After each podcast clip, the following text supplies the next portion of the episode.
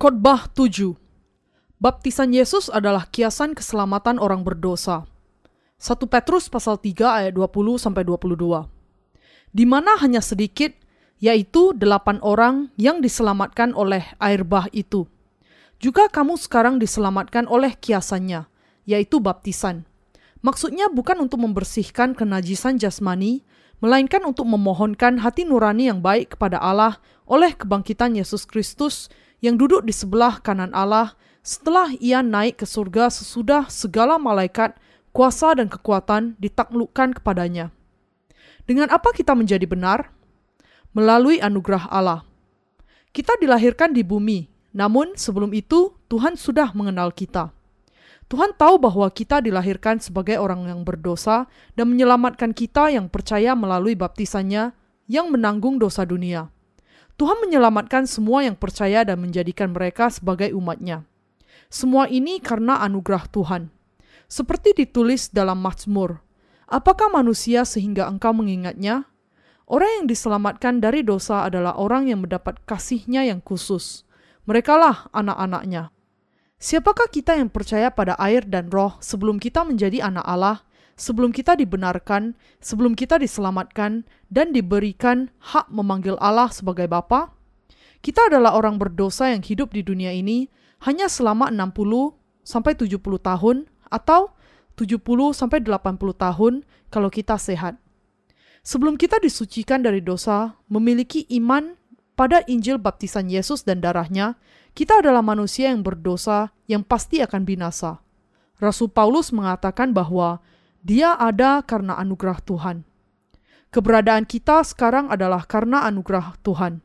Sang Pencipta datang ke dunia ini dan menyelamatkan kita dengan menjadikan kita sebagai anaknya, umatnya. Kita bersyukur atas anugerahnya, yaitu keselamatan melalui air dan roh.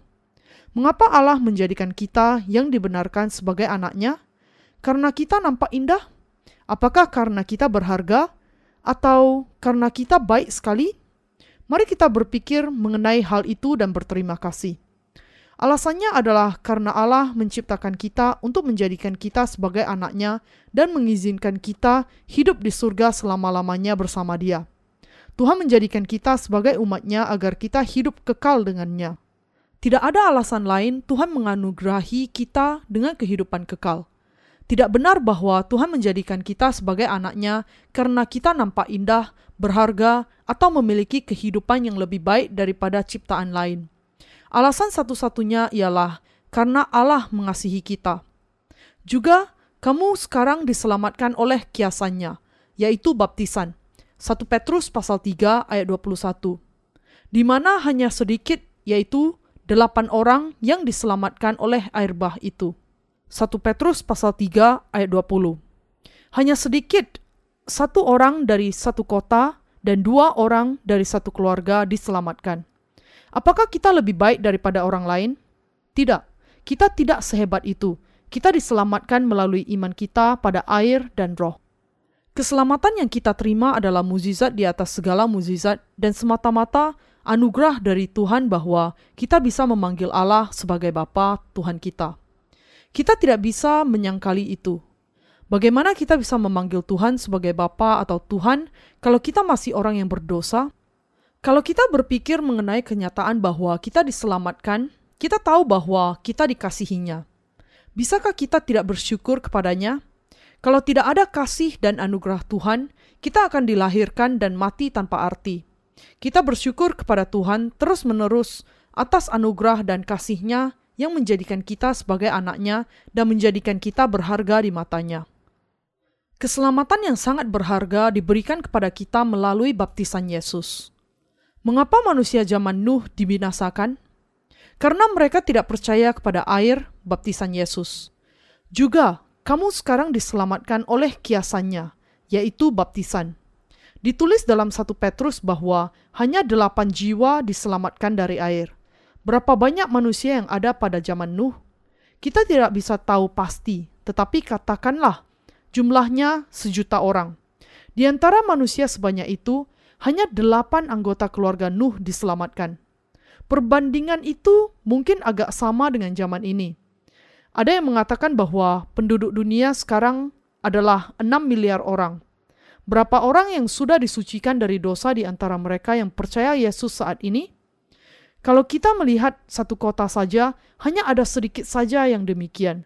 Di kota yang berpenduduk 250 ribu, berapa orang yang disucikan dari dosa? Barangkali 200 orang. Apa artinya? Berarti bahwa kurang dari satu orang diselamatkan dari antara setiap seribu penduduk.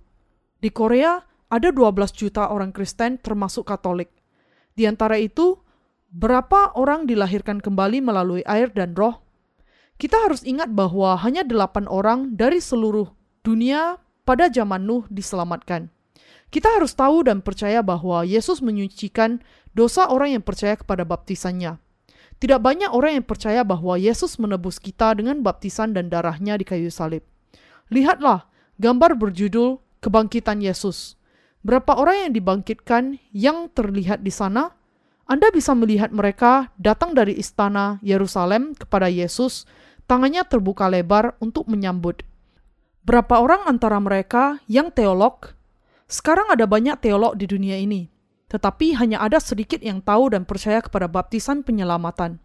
Sebagian teolog mengatakan bahwa Yesus dibaptis karena dia rendah hati, dan sebagian lain mengatakan bahwa Yesus dibaptis untuk menjadi sama dengan orang lain.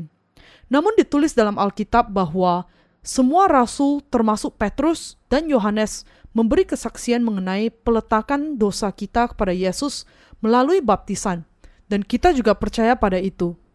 Dalam Alkitab, para rasul memberi kesaksian bahwa dosa kita ditanggungkan kepada Yesus melalui baptisannya. Hal itu menjadi kesaksian tentang anugerah Allah bahwa kita bisa dibebaskan dari dosa hanya dengan percaya. Tidak ada kata mungkin mengenai baptisan penyelamatan. Siapa yang mendapatkan kasih Allah yang tidak terbatas? Orang yang percaya kepada baptisan dan darahnya. Kita cenderung percaya bahwa kita akan diselamatkan hanya dengan percaya kepada Yesus. Semua denominasi yakin mengenai keselamatan sesuai dengan kepercayaan mereka, dan banyak orang mengira bahwa baptisan Yesus itu hanya salah satu dari doktrin saja. Itu tidak benar. Di antara buku-buku yang saya baca, saya tidak bisa menemukan buku mengenai keselamatan yang menjelaskan hubungan antara penebusan dan baptisan dan darah Yesus dan keselamatan. Hanya delapan orang diselamatkan pada zaman Nuh. Saya tidak tahu berapa orang diselamatkan pada zaman ini, tetapi barangkali tidak banyak. Orang yang akan diselamatkan adalah orang yang percaya kepada baptisan dan darah Yesus. Pada saat mengunjungi banyak gereja, saya selalu menyadari bahwa hanya ada sedikit orang yang mengajarkan Injil baptisan Yesus yang adalah Injil kebenaran. Kalau kita tidak percaya kepada penebusan dari baptisan dan darah Yesus, kita masih orang yang berdosa. Tidak peduli berapa kali kita pergi ke gereja. Kita mungkin setia pergi ke gereja selama kita hidup. Namun, kalau kita memiliki dosa di dalam hati, kita masih orang yang berdosa. Kalau kita pergi gereja selama 50 tahun, tapi masih mempunyai dosa dalam hati, iman yang 50 tahun itu sia-sia. Lebih baik pergi ke gereja satu hari dengan iman yang benar. Di antara mereka yang percaya Yesus, hanya beberapa orang yang percaya pada arti baptisan Yesus dan darahnya akan diizinkan masuk ke surga. Iman yang benar adalah percaya kepada fakta bahwa Anak Allah datang ke dunia dan dibaptis untuk menanggung dosa dunia. Inilah iman yang bisa membawa kita ke surga. Kita juga harus percaya bahwa Yesus mencurahkan darah di kayu salib untuk saya dan untuk Anda. Kita perlu tahu kebenaran ini agar bisa bersyukur kepadanya. Siapa kita? Kita adalah anaknya yang diselamatkannya melalui baptisan dan darahnya. Bagaimana kita bisa tidak bersyukur kepadanya? Yesus dibaptis di Yordan saat ia berusia 30 tahun untuk menyelamatkan kita. Dengan itu, Yesus menanggung dosa kita dan menerima hukuman salib bagi kita. Kalau kita berpikir tentang hal itu, kita tidak melakukan hal yang lain selain dengan rendah hati bersyukur kepadanya. Kita harus tahu bahwa semua yang Yesus lakukan di dunia ini adalah untuk keselamatan kita. Pertama-tama, Yesus datang ke dunia ini.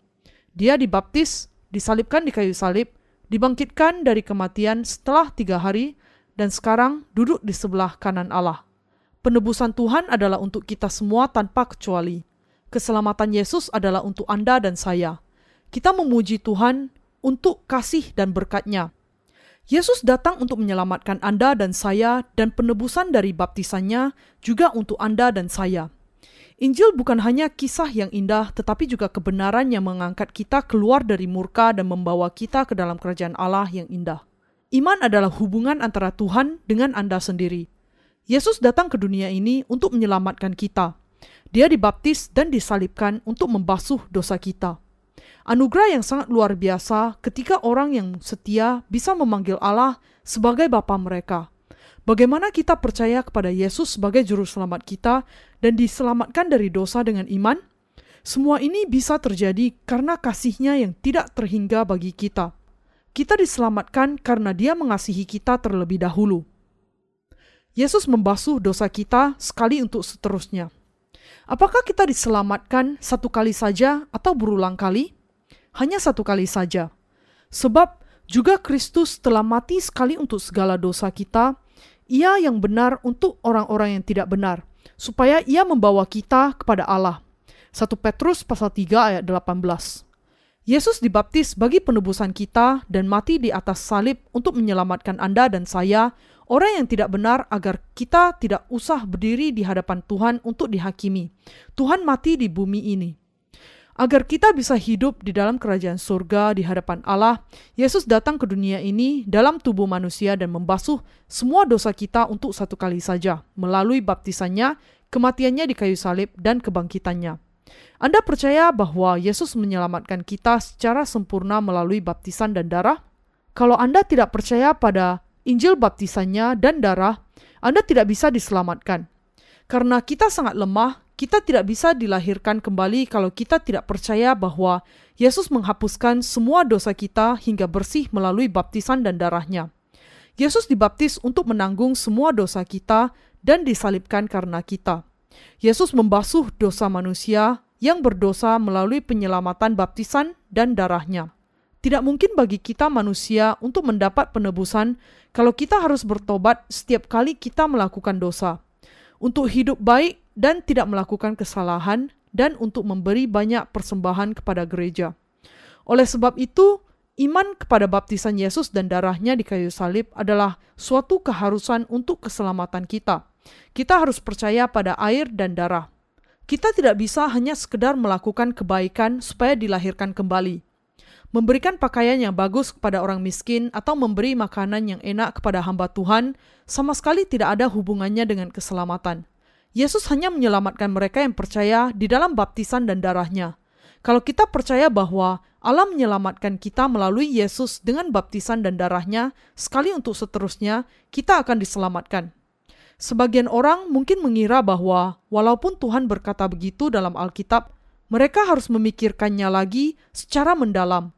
Hal itu terserah mereka. Tetapi kita harus percaya pada sabdanya seperti yang tertulis. Dalam Ibrani pasal 10 ayat 1 sampai 10 ditulis bahwa Dia menyelamatkan kita untuk satu kali saja. Benar sekali bahwa Tuhan menyelamatkan orang yang percaya kepada baptisan dan darah Yesus. Kita juga harus percaya pada itu. Dia mati sekali menyelamatkan kita semua satu kali untuk seterusnya. Oh saudara, percayalah dan diselamatkan. Letakkanlah bebanmu di bawah baptisan Yesus. Yesus menyelamatkan kita dari ketidakadilan dan dosa untuk satu kali saja dengan dibaptis sekali dan mencurahkan darah sekali. Ia yang benar untuk orang-orang yang tidak benar. 1 Petrus pasal 3 ayat 18. Yesus adalah Allah yang kudus, yang tidak pernah berdosa. Dia datang kepada kita dalam rupa manusia untuk menyelamatkan manusia dari dosa mereka. Dia dibaptis dan menanggung dosa untuk orang-orang yang tidak benar dia menyelamatkan kita dari dosa dan ketidakadilan. Semua dosa manusia dari kelahiran sampai kematian ditimpakan ke atas Yesus pada saat dia dibaptis dan semua manusia diselamatkan dari hukuman pada saat dia mencurahkan darah dan mati di kayu salib. Dia dibaptis untuk orang yang berdosa dan mati di tempat orang yang berdosa. Inilah penebusan dari baptisannya. Yesus menyelamatkan kita semua yang berdosa untuk satu kali saja betapa lemahnya kita. Yesus menyelamatkan semua dosa kita dari kelahiran sampai kematian dan mengorbankan dirinya untuk menanggung hukuman salib. Kita yang percaya kepada Yesus harus percaya bahwa Dia menyelamatkan kita untuk satu kali saja dengan baptisan dan darah. Kita lemah, tapi Yesus tidak lemah. Kita tidak setia, tapi Yesus setia. Tuhan menyelamatkan kita untuk satu kali saja. Karena begitu besar kasih Allah akan dunia ini, sehingga ia telah mengaruniakan anaknya yang tunggal, supaya setiap orang yang percaya kepadanya tidak binasa, melainkan beroleh hidup yang kekal. Yohanes pasal 3 ayat 16. Allah memberikan anak tunggalnya kepada kita. Allah membaptis anaknya untuk menanggung semua dosa dunia ini kepada anaknya supaya Yesus dihukum bagi semua manusia. Betapa ajaib keselamatannya, betapa indahnya kasihnya. Kita bersyukur kepada Tuhan atas kasih dan keselamatannya. Allah menyelamatkan orang yang percaya kepada air dan darah Yesus, baptisan Yesus dan fakta bahwa Yesus adalah anak Allah. Oleh sebab itu, orang yang percaya kepada Yesus bisa diselamatkan dengan percaya kepada kebenaran tentang baptisan dan darah Yesus dan mempunyai kehidupan kekal sebagai orang benar. Kita harus percaya pada hal itu. Siapa menyelamatkan kita? Tuhan yang menyelamatkan kita atau salah satu ciptaan Tuhan yang menyelamatkan kita? Ialah Yesus yang adalah Tuhan yang menyelamatkan kita. Kita diselamatkan karena kita percaya pada penyelamatan Tuhan dan inilah penyelamatan dari penebusan. Yesus adalah Tuhan keselamatan. Apa artinya Kristus? Imam, Raja, Nabi. Yesus Kristus adalah Allah. Yesus berarti juru selamat dan Kristus berarti dia yang diurapi. Seperti Samuel mengurapi Saul dalam perjanjian lama, raja-raja juga diurapi. Imam juga diurapi. Dan bagi nabi yang akan menjalankan pelayanan, kenabian, akan mendapat pengurapan. Yesus datang ke dunia ini dan diurapi untuk ketiga peranan itu. Imam, Raja, dan Nabi. Sebagai imam, Yesus dibaptis untuk menanggung semua dosa manusia. Dengan mematuhi kehendak Bapaknya, dia menunjukkan dirinya sebagai korban penghapus dosa di depan Bapa. Akulah jalan dan kebenaran dan hidup. Tidak ada seorang pun yang datang kepada Bapa kalau tidak melalui aku. Yesus menyelamatkan orang yang percaya kepadanya dengan menanggung semua dosa kita melalui baptisan dan penyalipan. Karena nyawa makhluk ada di dalam darahnya, Imamat pasal 17 ayat 11. Yesus mencurahkan darah di kayu salib setelah ia dibaptis, menyerahkan nyawanya kepada Bapa agar kita yang percaya diselamatkan. Dia dibangkitkan tiga hari setelah kematiannya di kayu salib dan memberitakan Injil kepada roh-roh yang ditawan. Orang yang belum diselamatkan adalah seperti tawanan dalam penjara dosa, dan kepada mereka Yesus memberitakan Injil kebenaran, Injil dari air dan darah. Tuhan memberikan Injil dari air dan roh kepada kita untuk menyelamatkan kita. Setiap orang yang percaya pada hal ini akan dilahirkan kembali. Baptisan dan darah Yesus menyelamatkan orang berdosa.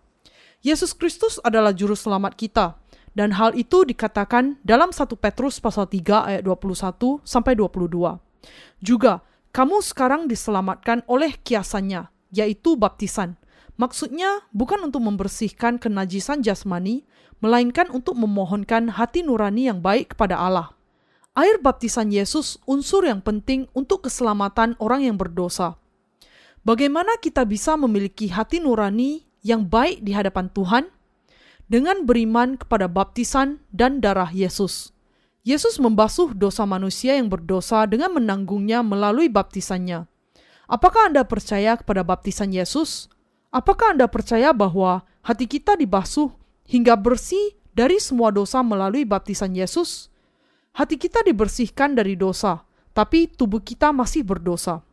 Seseorang ditebus tidak berarti bahwa dia tidak akan berdosa lagi kita tetap melakukan dosa, akan tetapi hati kita tetap bersih karena iman kita kepada baptisan Yesus.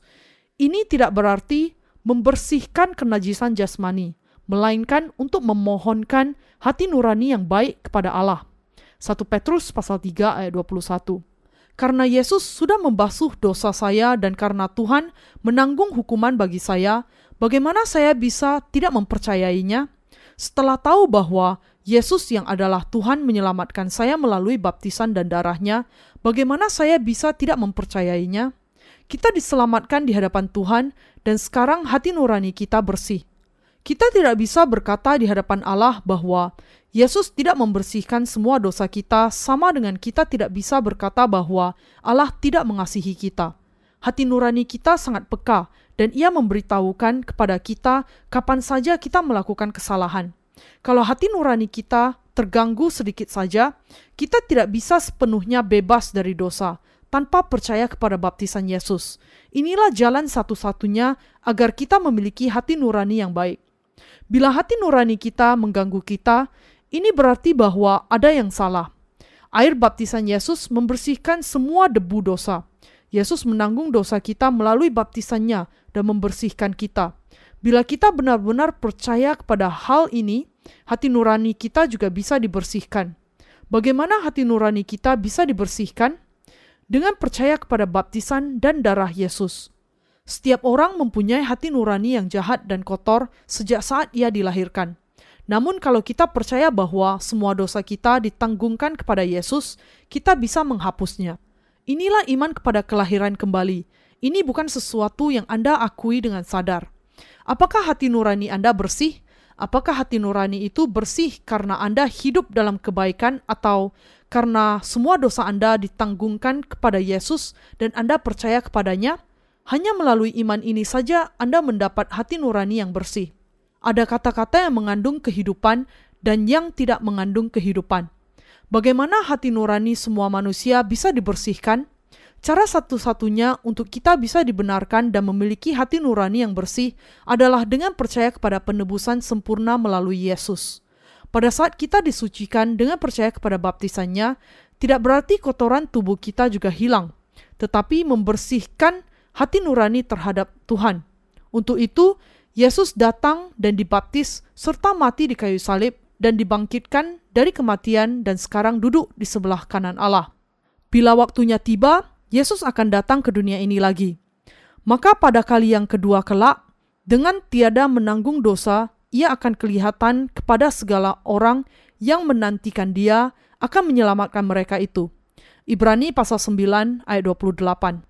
Kita percaya bahwa Yesus akan datang untuk membawa kita yang sungguh-sungguh menantikannya, yang percaya kepada baptisan dan darahnya. Percobaan klinik mengenai iman. Bisakah kita diselamatkan tanpa baptisan Yesus? Tidak bisa. Kita pernah mengadakan percobaan klinik di gereja Taijon. Pendeta Pak dari gereja itu mengatakan kepada sepasang suami istri bahwa di dunia tidak ada dosa kecuali tidak memberitakan makna baptisan Yesus. Sang suami sering mengantuk selama khotbah kalau dia datang ke gereja lain, karena semua pendeta di sana mengajarkan Injil tanpa penjelasan mengenai penyelamatan melalui baptisan Yesus dan memaksanya bertobat setiap hari. Namun di sini, di gereja Taijon, dia mendengar khotbah dengan kedua mata terbuka lebar karena dia diberitahu bahwa semua dosanya ditanggungkan kepada Yesus. Hal ini memudahkan istrinya dalam membujuk suaminya untuk pergi ke gereja dengannya.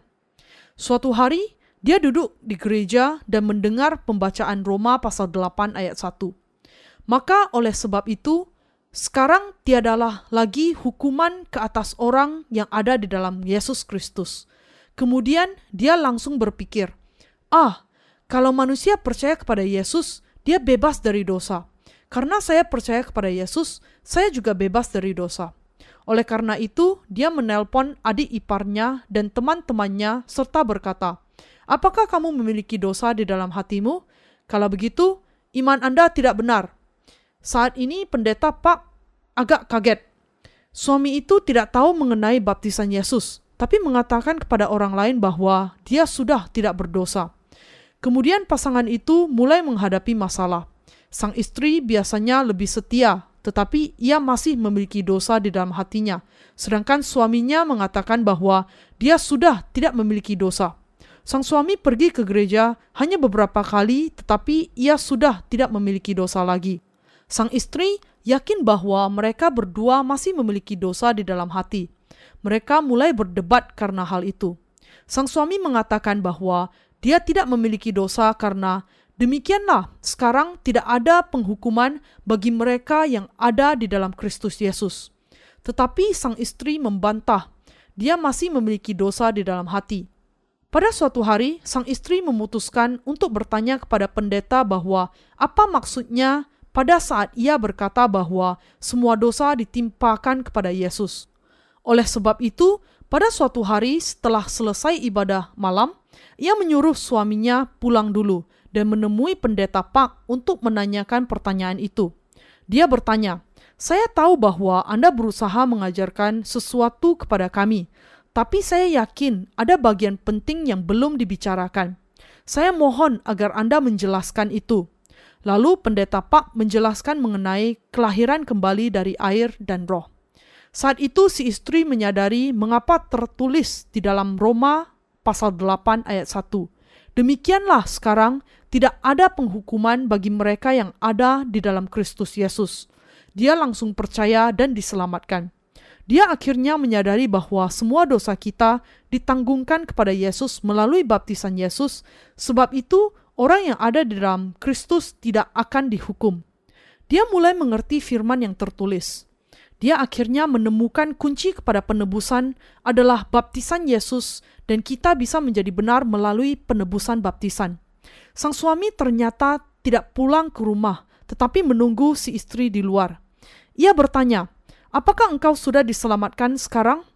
Lalu dia mendengar apa yang dikatakan pendeta kepada istrinya dan menjadi bingung. Dia tidak pernah mendengar mengenai Injil baptisan Yesus sebelumnya. Dia yakin bahwa dia tidak memiliki dosa lagi walaupun tanpa baptisan Yesus. Oleh karena itu, mereka berdebat lagi di rumah. Kali ini keadaan berubah. Istri menekan suaminya dengan pertanyaan apakah dia memiliki dosa di dalam hati atau tidak. Dia bertanya kepada suaminya bagaimana dia bisa bebas dari dosa padahal dia tidak percaya kepada baptisan Yesus. Dia menyuruh suaminya melihat hati nuraninya sendiri dengan seksama. Dengan menyelidiki hatinya itu, sang suami menyadari dia masih memiliki dosa di dalam hatinya. Oleh karena itu, dia datang kepada pendeta Pak dan mengakui bahwa dia memiliki dosa di dalam hatinya. Dia belum pernah mendengar mengenai Injil tentang air dan roh, jadi dia bingung sekali. Inilah inti dari eksperimen rohani. Yesus harus dibaptis untuk menanggung semua dosa dunia ini kepadanya. Baru kemudian dia bisa mati di kayu salib, karena upah dosa adalah maut. Apakah mereka menempatkan tangannya di atas kepala korban sebelum atau sesudah disembelih? Dia menanyakan hal ini karena dia masih bingung mengenai peletakan tangan dan baptisan Yesus.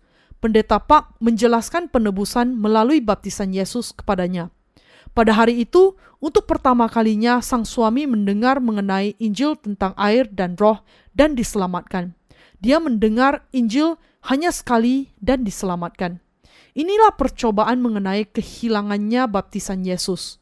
Kita mungkin mengatakan bahwa kita tidak memiliki dosa, tetapi kita pasti masih memiliki dosa di dalam hati kalau tidak ada baptisan Yesus. Manusia biasanya mengatakan bahwa Yesus membasuh dosa melalui kematiannya di kayu salib. Tetapi hanya orang yang percaya kepada baptisan dan darahnya yang bisa mengakui bahwa mereka tidak memiliki dosa di hadapan Allah. Pendeta Pak membuktikan melalui suami istri itu bahwa kita tidak bisa ditebus secara sempurna tanpa penebusan melalui iman kepada baptisan Yesus. Kiasan keselamatan, baptisan Yesus. Apakah kiasan untuk keselamatan? Baptisan Yesus. Juga, kamu sekarang diselamatkan oleh kiasannya, yaitu baptisan. Yesus datang ke dunia ini untuk membasuh semua dosa dunia ini dan membuat hati nurani kita putih seperti salju. Kita dibebaskan dari dosa karena Yesus menanggungkan semua dosa kepada dirinya sendiri melalui baptisan. Dia menyelamatkan kita dengan baptisan dan darah. Oleh karena itu, semua ciptaan harus berlutut kepada Yesus. Kita diselamatkan dengan percaya kepada Yesus. Kita menjadi anak Tuhan dan masuk ke surga dengan percaya kepada Yesus. Kita menjadi benar dengan percaya kepada Yesus.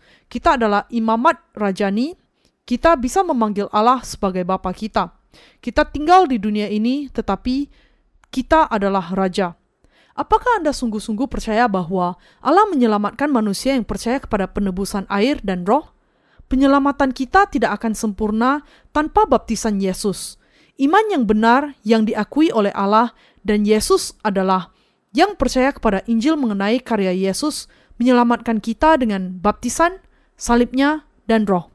Inilah satu-satunya iman yang benar. Dosa kita dibasuh pada saat Yesus menanggungnya melalui baptisannya, dan semua dosa kita dibayar lunas pada saat dia mencurahkan darahnya di kayu salib. Yesus Kristus menyelamatkan kita dengan air dan roh. Ya, kita percaya